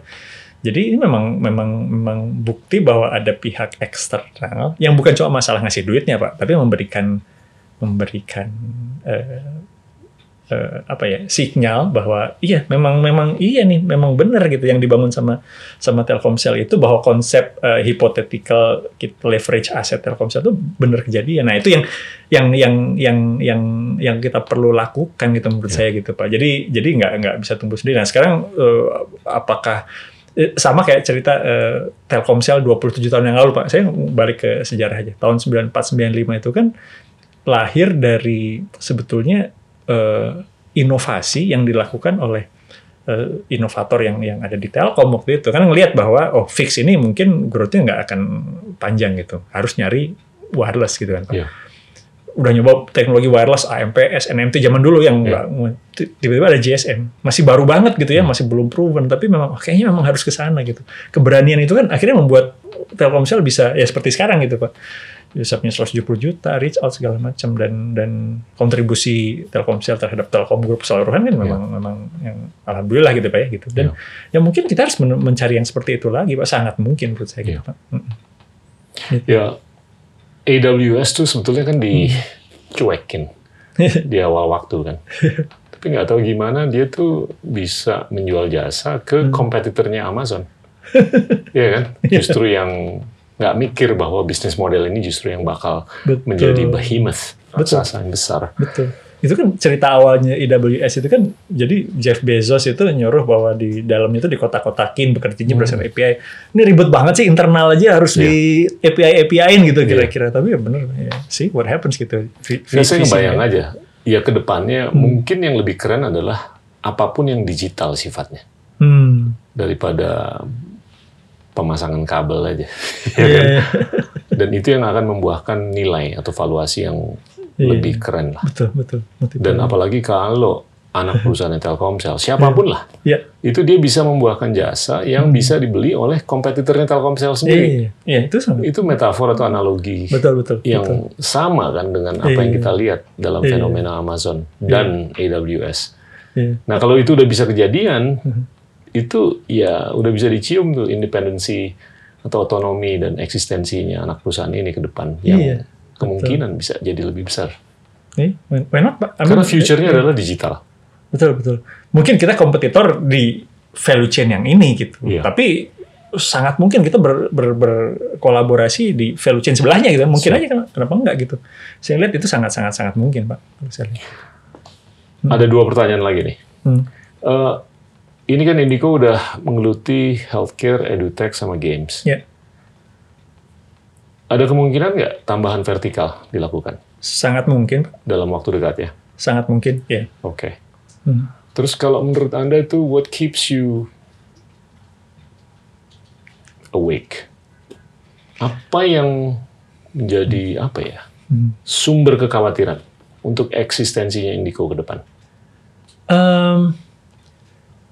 Da- Dalam konteks kita ini menuju ke 2045, Iya, 2045. ya kan? What could go wrong? Iya. Eh, mungkin ini Pak ya, em, ini kan long term game Pak, long term game gitu. Nah ini kadang-kadang eh, kalau di di t- semua perjalanan transformasi gitu ya, Siap. bahwa kalau udah scaling itu kan metriknya serba jangka pendek kira-kira gitu Pak. Nah ini kan butuh kesabaran, butuh jangka panjang, butuh funnel. Kalau digital itu kan ya pasti suatu saat akan ditagih revenue sama net income gitu kan. Tapi funnel menuju itu harus dibangun Pak gitu ya kan. Eh, Nggak bisa hari hari hari pertama dibangun oke besok udah mulai di nah itu. Funnel menuju ke sana kan ada. Jadi sebelum ke sana ini usernya make apa enggak? Usernya bayar apa enggak? Lebih awal lagi produk market fit-nya ketemu apa enggak? Problem statement yang yang ditongolin itu konsisten nggak sama produk yang di develop? Produknya ini ekonomis apa? Nah, jadi membangun funnel itu butuh butuh butuh konsistensi, Pak. Butuh istiqomah lah kira-kira gitu. Nah, itu yang mungkin se- saya se- semua stakeholders ya, saya nggak cuma ngomong di Telkomsel saja, tapi semua yang yang Betul. terlibat di ekosistem digital ini memang harus harus harus apa ya, punya perseverance gitu ya untuk untuk membuat ini memang memang game yang 2045 gitu. AI kita tuh masih masih 20 25 tahun lagi gitu yang yang yang memang harus roadmap-nya harus dibangun, harus bagaimana saling kolaboratif, bagaimana saling saling saling belajar, bagaimana eh, saling saling cari win-win gitu Pak kalau menurut Siap. saya. Lebih ke sana sih Pak sebenarnya. Hmm. Saya ngelihat Anda punya competitive and strategic advantage. Hmm. Kenapa? Karena yang terlibat dalam dunia digital Hmm. itu kebanyakan ditopang oleh lembaga-lembaga yang terjebak dengan siklus tujuh tahun. Hmm. Iya kan? Karena mereka harus mendaur ulang modal dalam tujuh tahun. Iya, iya. Sedangkan Anda tuh enggak terjebak di sudut yang sama gitu loh. Iya, iya. Nah itu strategic advantage, Iya, iya, iya. ya kan? Betul. Oke lah, di satu pihak kalau kita terjebak dengan siklus tujuh tahun, Hmm. kita mungkin kerjanya lebih keras ya. Hmm, hmm. Tapi itu resiko keplesetnya lebih Iya. lebih tinggi, Iya, ya kan? betul, Karena kita betul. akan ceroboh Iya, atau mungkin bisa ceroboh kalau kita terjebak dengan siklus tujuh tahun. iya, iya. Sedangkan Anda nggak ter- terlalu terjebak, nggak ditagih. Pokoknya lu dalam tujuh tahun udah harus daur ulang modalnya. ulang. Harus IPO, gitu ya. harus apa, harus apa. Iya, iya, iya. Nggak ada tuh amanah kayak begitu. Betul. Jadi itu justru lebih bisa membuahkan Hmm. skenario untuk siapa pun lah di Indigo untuk Hmm, hmm. bisa berpikir secara strategis Iya, dan iya. bijaksana. Iya, iya. iya. Itu kalau menurut saya nggak bisa di discount tuh. Oh, itu oke. itu strategic advantage yang luar biasa. Iya, iya, iya. Oh, itu men- menarik, Pak. Saya makasih banget tuh feedbacknya. Karena kalau kalau connectivity-nya for sure gitu, Pak ya. Nah, ini Iya. yang sekarang kita mengkombinasikan antara connectivity yang tidak ada siklus tujuh tahunannya itu. Betul. Nah, sementara pas bangun platform, oke platform arguably bisa seperti itu. Tapi begitu services, biasanya bersiklus-siklus juga, Pak tuh. kind of, iya. Ya seperti apa yang kejadian dalam beberapa hari lah. Itu karena diamanahkan kan untuk melakukan kristalisasi nilai di pasar Iya, modal. iya. Betul, betul. Dan betul. itu nggak ada tuh di institusi Anda. Jadi ya, Iya. you have much more patient capital. Hmm. Yang Iya. lainnya tuh much less impatient modalnya Itu di Indonesia aja apa global, Pak itu? di Indonesia. Indonesia aja. Oke. Kalau nah ini ya oke lah nih kita tambahkan satu lagi deh. Karena yang struktural di Indonesia yang saya udah ngomong berapa kali adalah uang beredar. Hmm. Uang beredar terhadap PDB kita itu hanya 45 persen. Hmm. Kecil sekali rasionya dibandingkan uang beredar terhadap PDB yang ada di negara-negara maju yang di atas 100 persen. Oh. Nah, semakin uang beredarnya Hmm. lebih tinggi, Hmm. semakin modal itu bisa lebih sabar, Hmm. ya kan? Ya, Nah, itu struktural untuk Indonesia. I see. Coba kalau uang beredarnya 100% dari PDB, pengelola-pengelola yang ada di sini, yang nggak perlu mendaur ulang modal dalam tujuh tahun, dia bisa menunggu 20-30 tahun. Oh. Ya kayak, kayak Amazon, Microsoft gitu kan di awal waktu dia ditopang oleh Iya. institusi yang anggaplah lembaga-lembaga pensiun atau dana pensiun yang Hmm. lu pakai aja deh, Hmm. lu balikin dalam 20-30 tahun. Iya. Enak tuh. Iya kan? Ah, iya. Dia bisa berpikir secara strategis. Iya, Dia nggak terjebak, nggak terbelenggu. Mm, mm, mm, mm. Karena kalau semakin dia terjebak dengan siklus 7 tahun, semakin resiko keplesetnya itu ada. Maybe I see. Gitu. Oke. Menarik Pak, menarik. Thank you insight-nya. Ada lagi, Andri, yang mau Wah, di-share? luar biasa Pak. Kalau dari saya sih kayaknya sudah semuanya nih Pak. Makasih banget Pak. Saya senang banget Pak Gita itu ini eh, teman diskusi yang sangat eh, menyenangkan. Amin. Makasih Pak, makasih banget. Thank you. Semoga semakin banyak bawa barokah buat ini. Siapa Amin. yang duduk di sini Pak ya? Amin, amin, amin. Terima kasih. Makasih Pak Gita. Teman-teman, itulah Andi Kristianto, pimpinan dari Indico. Terima kasih. Inilah Endgame.